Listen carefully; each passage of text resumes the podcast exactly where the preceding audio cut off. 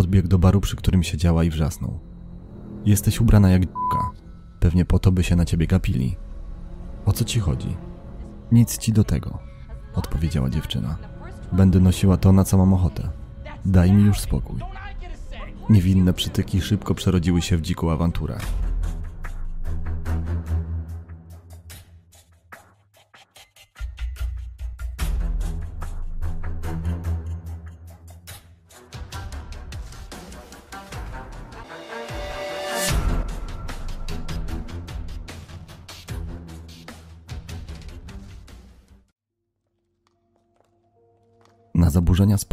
Obsesji może cierpieć nawet do 2% populacji świata. Uczuciom tym towarzyszą zwykle natrętne myśli, impulsywne zachowania czy fobie. I choć rodzajów obsesji jest wiele, uważa się, że to obsesja zazdrości jest jedną z najgroźniejszych jej form. Niebezpieczna namiętność pojawia się nagle, obezwładnia i pozbawia zdrowego rozsądku. Rozwija się pod wpływem urojeń, i wcale nierzadko spożywanych substancji wspomagających. Owładnięty szaloną zazdrością człowiek nie słucha, nie ufa i nie wierzy. Skłonny jest nagabywać, szantażować i śledzić. Podejrzewa o niewierność zawsze, o każdej porze dnia i nocy, nawet gdy nie ma ku temu żadnych podstaw. Pragnąc kontrolować, sam traci nad sobą kontrolę. Nie może skupić myśli, a w głowie ma istny roller coaster. Gdy obsesji zazdrości towarzyszy obsesja zemsty, możemy być niemal pewni, że już tylko cienka linia dzieli nas od tragedii. Emily miała 9 lat, gdy wraz z młodszą siostrą Hanną i rodzicami Markiem i Caroline opuściła Anglię i wyemigrowała do Auckland w Nowej Zelandii. Przez lata wiodła tam wspaniałe życie i choć jej rodzice po jakimś czasie wzięli rozwód, Pozostali w dobrych relacjach, a dom pełen był miłości i zrozumienia.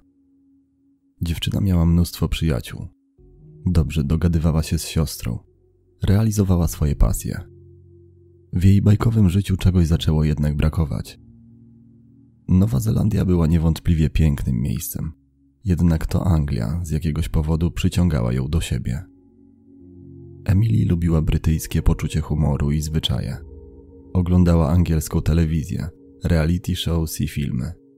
Pamięci trzymała ciepłe wspomnienia związane z ojczyzną, zwłaszcza z domem dziadków, za którymi niesamowicie tęskniła. Dlatego, gdy tylko skończyła 16 lat, postanowiła zrealizować plan, który w swojej głowie układała już od jakiegoś czasu. Coraz częściej w rozmowach z bliskimi schodziła na temat rodzinnego kraju. Stęsknionym dziadkom, rodzicom i przyjaciołom mówiła, że chciałaby tam wrócić. Przekonywała, że to właśnie Anglia jest jej miejscem na ziemi. Dziadkowie do pomysłu podeszli entuzjastycznie. Chcieli gościć wnuczkę u siebie. Pragnęli, by była blisko. Z rodzicami nie poszło jednak tak gładko. Emily była jednak nieugięta i wiedziała, czego chce. Prosiła, przekonywała i namawiała do skutku. Przeprowadziła z rodzicami setki rozmów na temat edukacji i szans rozwoju. Zapewniała, że jeżeli cokolwiek pójdzie nie tak, albo będzie dla seniorów ciężarem, natychmiast wróci do domu. Rodzice ostatecznie wyrazili zgodę. Ufali córce i nie chcieli stawać na drodze jej marzeniom. Już jakiś czas później Emily stąpała po ojczystej ziemi. Zamieszkała u dziadków na południu kraju, w Savbon, w pobliżu malowniczego Bournemouth, nad samym morzem. Rozpoczęła kierunek biznesowy na Brockenhurst College, w szkole ulokowanej na terenie Parku Narodowego New Forest. W międzyczasie rozwijała swoją wielką pasję, jaką był modeling. Prowadziła życie typowej, szczęśliwej nastolatki. Niemal codziennie dzwoniła do rodziców. Mówiła, że szczerze kocha Anglię, upewniając ich tym samym w przekonaniu, że zrobili dobrze, pozwalając jej wyjechać. Była radosna, przyjazna i pozytywnie nastawiona do życia. Bardzo szybko znalazła sobie grono znajomych, z którymi wychodziła do kina, na imprezy i szkolne potańcówki. Na aranżowanej przez kumpli podwójnej randce w grudniu 2010 roku poznała Eliota, przystojnego dwudziestoletniego syna bogatego jubilera i pracownicy opieki społecznej. Wydawał się być dobrze wychowany i kulturalny jak na chłopaka z zamożnej rodziny korzystał z prywatnej edukacji. Zaiskrzyło między nimi od razu. W ciągu kilku pierwszych godzin spotkania okazało się, że mają podobne zainteresowania. Lubią te same drinki i jedzenie. W trakcie randki Emily chętnie podjadała kurczaka w sosie słodko-kwaśnym z talerza chłopaka, a ten nie miał nic przeciwko. Relacja bardzo szybko weszła na wyższy poziom, a młodzi zostali parą.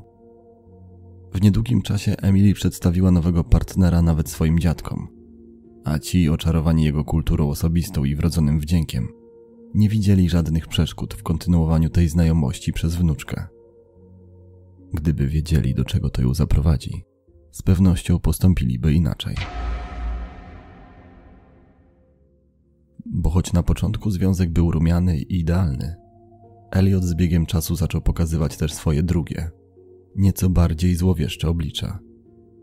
Emily doskonale wiedziała, że jego koledzy mówili o nim Old Talk Turner, a ksywka nie pochodziła znikąd. Elliot był bowiem nie tylko gadułą, ale i potwornym szpanerem, który uwielbiał obnosić się swoim bogactwem i o nim mówić. W portfelu trzymał pokaźne pliki gotówki, a kasą rodziców szastał na prawo i lewo. Pijał trunki po 180 funtów za butelkę. Chełpił się tym, że bierze udział w zajęciach dla uzależnionych w prestiżowej Priory Clinic, za które płaci 30 tysięcy funtów. Efekciarstwo i bufonada może specjalnie nie imponowały Emilii, ale też jej nie przeszkadzały. Nie to było problemem. Punktem zapalnym w tym związku było coś innego. Krzyczał, złościł się i uderzał pięścią w stół za każdym razem, gdy miała odmienne zdanie lub chciała zrobić coś po swojemu. Te zachowania pojawiały się rzadko, dlatego trochę je bagatelizowała, tłumacząc sobie, że chłopak może ma zły dzień. Niemniej z czasem, gdy systematycznie się nasilały i rozszerzały, nie mogła już ich ignorować. Elliot stał się chorobliwie zazdrosny i zaborczy. Wmawiał jej zdrady i inne nieuczciwości. Miał na jej punkcie obsesję. Traktował jak swoją własność. Mogła robić tylko to, na co jej pozwalał. Raz po raz mówił, że z nią skończy. Stale ją krytykował. Porównywał do swoich byłych dziewczyn, sprawiając jej tym samym wielką przykrość. Półroczny stażem związek z każdym dniem nabierał coraz bardziej toksycznych i burzliwych cech. Młodzi kłócili się ze sobą niemiłosiernie. I choć Emily bardzo kochała swojego chłopaka, w końcu miała już tego wszystkiego dość i postanowiła odejść. Nie było to jednak takie proste. Zawsze gdy próbowała zerwać kontakt, Elliot bombardował ją SMS-ami z informacją, że się jej pozbędzie. Śledził ją. Notorycznie wpadał do dyskotek i barów, w których się bawiła by na oczach wszystkich robić dzikie awantury. Przeszukiwał jej Facebooka, sprawdzał, czy flirtuje z innymi mężczyznami. By uniknąć zaczepek, Emily ustawicznie prosiła Eliota, by się zmienił. Kocham cię. Nie mów, że pozbawisz mnie życia. Przestań mówić o swoich byłych. Przestań być nieustannie zły. Onieśmielasz mnie i sprawiasz, że się boję. Bądź po prostu fajny, bo to właśnie jest hot. Napisała na kartce tuż po powrocie z romantycznego wyjazdu na wyspę Man, podczas którego Elliot w przypływie złości zniszczył hotelowy pokój, tuż przed jej planowanym wyjazdem do Nowej Zelandii. Elliot, choć za każdym razem obiecywał poprawę, w gruncie rzeczy wcale nie miał zamiaru poskromić swojej nieobliczalnej natury. Nie uważał, że coś z nim nie tak. Był przekonany, że powód kłótni zawsze leży po stronie Emily. To ona ubierała się niestosownie, kusiła mężczyzn, Substancje, jakie przyjmował, z pewnością nie działały na korzyść trzeźwego myślenia. W kwietniu 2011 roku Emily wyjechała do Nowej Zelandii na święta wielkanocne. Była niesamowicie z tego powodu szczęśliwa. Chciała odpocząć od wiecznych kłótni i zobaczyć swoich niewidzianych dawno bliskich i przyjaciół. Rodzice byli ciekawi życia córki i jej nowej sympatii. Gdy tylko wyszła z samolotu, rzuciła im się na szyję a ci zabrali ją i jej siostrę na ulubioną pizzę. Wypytywali o wszystko, jak jej się żyje, studiuje. Dziewczyna opowiadała chętnie. Rozprawiała o modelingu, szkole, znajomych i Eliocie. Co ciekawe, nie chcąc ich martwić, mówiła o nim ciepło. Przedstawiała go w samych superlatywach. Niemniej na koniec dodała, że nie jest jeszcze gotowa na poważny związek i myśli nad tym, by po powrocie przerwać te relacje. W trakcie tego krótkiego wyjazdu Emily bawiła się świetnie. Wrzucała na media społecznościowe radosne zdjęcia i filmy. To szczęście nie podobało się Eliotowi. Fotografie przedstawiające uśmiechniętych ludzi szczerze go irytowały.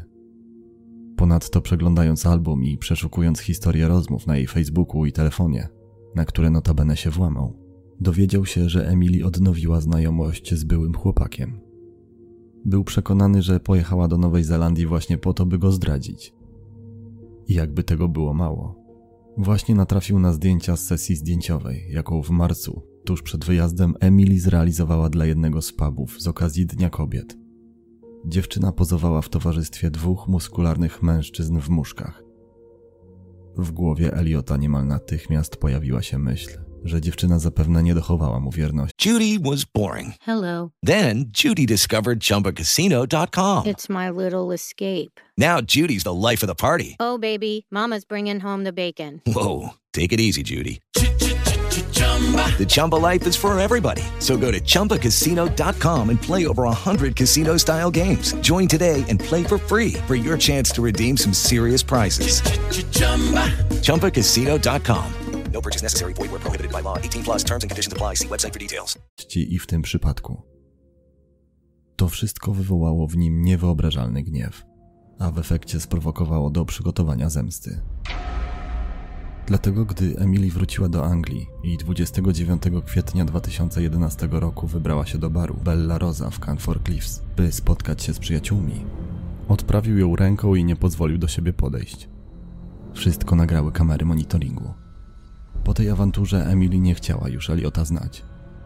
Plik przygotowanych następnych szans właśnie się wyczerpał. Wybiegła z baru w towarzystwie koleżanek, ale on wyszedł za nią.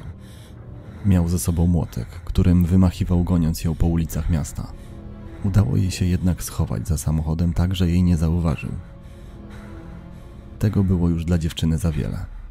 Tej nocy postanowiła odciąć się od toksycznego partnera i zacząć życie na nowo. Mamo, myślę o tym, żeby zerwać z Eliotem. Jest strasznie kontrolujący. Boję się go. Napisała wtedy wiadomość do mamy, która nie miała pojęcia o ciemnej stronie chłopaka swojej córki. Obie kobiety nie wiedziały, że kontaktują się ze sobą po raz ostatni. Elliot nie akceptował decyzji o rozstaniu. Nie godził się z jej odejściem. Dziewczyna nie miała dużego wyboru. Mogła być z nim albo z nikim. Innej opcji do siebie nie dopuszczał. Nie zezwalał, by ułożyła sobie życie bez niego. Dalej śledził jej media społecznościowe, jej telefon i sprawdzał, z kim rozmawia. Już dwa dni później wysłał do kolegi SMS o treści. Cholera, już po niej. Dowiedziałem się, że wyszła do klubu z kimś innym.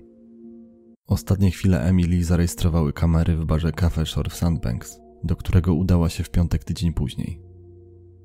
6 maja 2011 roku. Piątek. Emily miała już serdecznie dość wiecznych kłótni z Eliotem. Chłopak zawsze znalazł sobie powód, by się wściec. Ale tym razem miarka się przebrała. W tym tygodniu mocno dał jej popalić. W sobotę zrobił jej aferę przy wszystkich znajomych, oskarżając ją o zdradę. Poza tym, co zdenerwowało ją chyba najbardziej, znowu obdarł ją z prywatności. Bezkarnie wyłamywał się na jej Facebooka, by czytać historię rozmów. A podczas pobytu w Nowej Zelandii naopowiadał jej znajomym kłamstw. Mówił, że tak jak on, przyjmuje nielegalne substancje, wiedząc, że środowisko tego nie akceptuje. Najprawdopodobniej chciał, by się od niej odwrócili. By poprawić sobie nastrój, Emily postanowiła miło spędzić czas w towarzystwie przyjaciół. Umówiła się z nimi wieczorem w lokalnym klubie o nazwie Cafe Shore. Miała nadzieję, że Eliota w barze nie będzie, bo nade wszystko nie chciała go widzieć. Nie po tym, co zrobił. Jej nadzieje były jednak płonne. Chłopak bardzo szybko zorientował się, co jest grane. Jak ona śmie mnie tak traktować? Mówił, zaciskając dłoń na puszce z napojem. W sercu mu się gotowało. Dowiedział się, że Emily nie dalej jak wczoraj spotkała się w barze z jakimś facetem. Kilka dni temu spotkała się też z jego najlepszym kumplem. Z pewnością i dzisiaj wyszła, żeby go zobaczyć. Czuł, że nie może jej na to pozwolić. Zareagował błyskawicznie. Postanowił iść za nią i się zemścić. Jego przyjście do klubu zarejestrowały kamery. Gdy dostrzegł Emily w tłumie, wpadł w szał. Podbiegł do baru, przy którym siedziała i wrzasnął. Jesteś ubrana jak dzika. Pewnie po to, by się na ciebie gapili. O co ci chodzi? Nic ci do tego, odpowiedziała dziewczyna. Będę nosiła to, na co mam ochotę. Daj mi już spokój. Niewinne przytyki szybko przerodziły się w dziką awanturę. Elliot krzyczał, że to jej ostatni dzień, że zrujnowała mu życie, powykręcała serce. Chciał ją uderzyć, ale na szczęście chybił. Emily w odwecie wylała na niego drinka, po czym z koleżankami czym prędzej opuściła klub. Elliot wybiegł za nią. Kupił kwiaty i czekoladki. Śledził ją do mieszkania przyjaciółki. Nie idź z nim. Ja bym nie poszła. Z troską w głosie radziła Jasmine, gdy chłopak prosił, by Emily pozwoliła mu się odwieźć do domu. Nie posłuchała przyjaciółki. Zamiast do siebie pojechała do niego. Chciała na spokojnie przegadać wszystko to, co stało się w ostatnich dniach. Nie wiedziała, że robi błąd, który będzie kosztował ją życie. Kilka godzin później napisała do Jasmine SMS. Nic mi nie jest. Porozmawiamy jutro. Pojadę do domu. Nie zostanę na noc u Eliota. Była za 15 pierwsza. To ostatni raz, kiedy Emily skontaktowała się z kimkolwiek. 7 maja 2011 roku. Sobota. Dom rodziców Eliota. Dokładnie o 9.15 Anita, matka Eliota, wysyła wiadomość do swojego męża. Natychmiast przyjeżdżaj do domu. Emily się nie rusza. Mężczyzna dociera do mieszkania najszybciej, jak to tylko możliwe. W łóżku dwudziestoletniego Eliota rzeczywiście leży jego dziewczyna. Nie rusza się i nie reaguje na pytania. Wszyscy próbują ją ocucić, jednak to nic nie daje. Z jakiegoś powodu nie dzwonią jednak na 911 od razu. Robią to dopiero 40 minut później. Ambulans przyjeżdża po kilku minutach. Ratownicy jednak nie są w stanie od razu podać przyczyny zgonu. Elliot zostaje natychmiast zaaresztowany. W kieszeni ma paszport, a w kącie pokoju leży spakowana torba. Po przewiezieniu na komendę Elliot tłumaczy, że nie od razu zauważył, że z Emily coś jest nie tak. Gdy przyszedłem w nocy się położyć, myślałem, że już śpi. Dopiero rano zorientowałem się, co się stało i powiedziałem mamie. Ale ja tego nie zrobiłem. Na pytanie śledczych, czy w ostatnim czasie kłócił się z Emily, odpowiada, że owszem. Dzień przed zdarzeniem trochę się posprzeczali. Był na nią zły. W jej telefonie znalazł kłamliwe maile, w których Emily skarżyła się koleżance na jego zachowanie. Byłem wkurzony i poczułem się oszukany. Rozumie pan. Pokłóciliśmy się o to również wczoraj. W barze powiedziałem jej, że ubiera się niestosownie. Była na mnie wściekła. Gdy wróciliśmy razem do domu, wpadła w jakąś furię. Chciałem, żeby przestała. Próbowałem ją uspokoić, ale w końcu miałem dość. Rzuciłem w nią dwudziestofuntowym banknotem, mówiąc, że ma na taksówkę i żeby sobie poszła. Ale ona nie zamierzała nigdzie iść. Mało tego. Szalała jeszcze bardziej. Może trochę straciłem wtedy nad sobą kontrolę, ale działałem w samoobronie. To dlatego mam zadrapania na ramieniu i moje DNA znajduje się pod paznokciami Emily. Wybiegłem. Zostawiłem ją w pokoju samą. Gdy po chwili wróciłem, myślałem, że śpi. Chłopak po przesłuchaniu wyszedł za kaucją i wrócił do wystawnego życia. Nie trwało to jednak zbyt długo. W niedługim czasie okazało się, że Emily została uduszona. I to kilka godzin przed tym, jak wezwano pomoc. Mało tego. Elliot w wyszukiwarkę swojego komputera wpisywał hasła typu jak udusić i wymknąć się spod ręki prawa. Śledczy przeczuwali najgorsze. Nie mając jednak żadnych dowodów na winę dwudziestolatka, postanowili go przechytrzyć. Jeden z detektywów wpadł na pomysł, by zamontować w domu rodziców Eliota podsłuch. Szybko wyszło na jaw, że chłopak bezsprzecznie jest winny. Nie zdając sobie sprawy z pluskwy, wielokrotnie rozmawiał na temat tego, co stało się Emily z rodzicami. I co najciekawsze, to oni pomagali mu w zatarciu śladów. Specjalnie opóźnili przyjazd służb ratowniczych i policji. W tym czasie zabrali z miejsca zdarzenia wszystkie dowody, które mogłyby wiązać ich syna ze sprawą. Usunęli jego kurtkę z pokoju, w którym znaleziono Emily. A mężczyzna za wiedzą i zgodą żony zniszczył list, który Elliot napisał zaraz po tym, co się stało. Mamo, wstydzę się tego, co zrobiłem.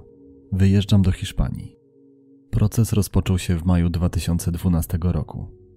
I choć dwudziestolatek wciąż uparcie nie przyznawał się do winy, W jego trakcie wyszło na jaw wiele pogrążających go faktów, które ukazywały go w bardzo niekorzystnym świetle. Już wcześniej miewał obsesję na punkcie swoich dziewczyn. W 2008 roku otrzymał nawet zakaz zbliżania się do jednej z nich. Poza tym, podczas gdy bezustannie podejrzewał Emilii o niewierność, sam notorycznie ją zdradzał. Przynajmniej z trzema różnymi dziewczynami. Trzy tygodnie przed zdarzeniem zapytał jednego z kumpli o to, jak wykonać sleeper hold, technikę duszenia wykorzystywaną w wielu sztukach walki. Przynajmniej 15 razy powiedział Emily, że się jej pozbędzie. Nawet na kilka dni przed incydentem. Stary, załatwię ją. Dostanę z 15 lat, ale dalej będę milionerem. Chwalił się koledze. Po wyjściu z aresztu mocno imprezował.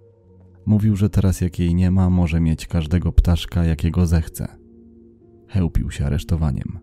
Kazał szukać swojego imienia w internecie. Elliot nigdy nie przyznał się do winy. Położyłem ręce na jej szyi dosłownie na 6 sekund. Ja się tylko broniłem. Nie wiem, co się z nią stało. Nie jestem medium, przekonywał. Ubrany w elegancki granatowy garnitur, pasujący kolorystycznie krawat i nonszalancko rozpiętą koszulę. Nie wykazywał najmniejszych oznak wyrzutów sumienia. Aż nadto ukazywał za to arogancję. Bzdura, krzyknął ze wstrętem, gdy odczytano wyrok skazujący go na dożywocie, z możliwością ubiegania się o zwolnienie warunkowe po 16 latach. Wszystko, co tu mówicie, to stek bzdur. Był w ogromnym szoku. Był przekonany, że zostanie oczyszczony z zarzutów. Z więziennej celi wysyłał do znajomych listy, naiwnie sądząc, że już niedługo wsiądzie do Range Rovera i przeprowadzi się do Hiszpanii. Żałujesz? zapytał go ktoś na sali. No cóż, to było już rok temu, odpowiedział zimno. Jestem smutny, ale nie mogę się załamać. Przecież muszę odpowiadać na wasze pytania. Ten chłopak jest zepsuty do szpiku kości. Mówił o nim jego własny prawnik. W życiu nie widziałam takiej arogancji, mówiła sędzina. Twoje zuchwałe zachowanie zaparło mi dech w piersiach. W trakcie rozmowy powiedziałeś, że ją kochałeś. Emily była dla ciebie tylko trofeum.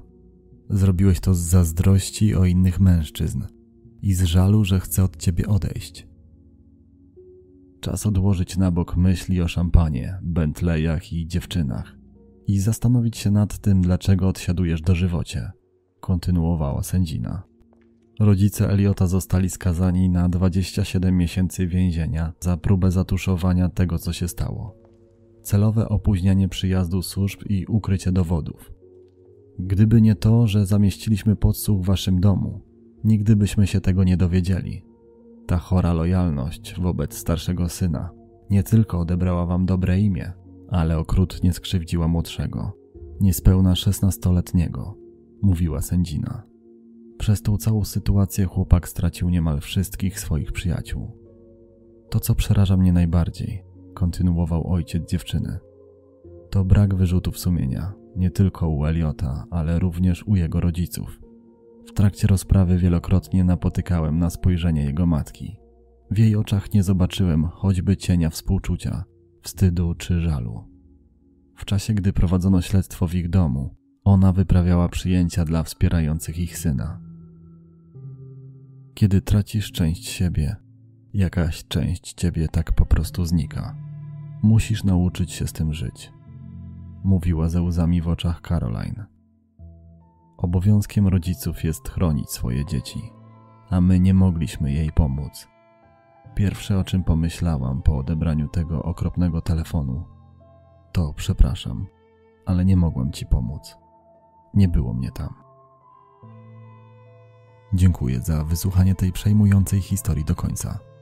Dziękuję również Joannie i Mateuszowi za to, że dołączyli do grona moich wspaniałych patronów. Do usłyszenia wkrótce. Pozdrawiam.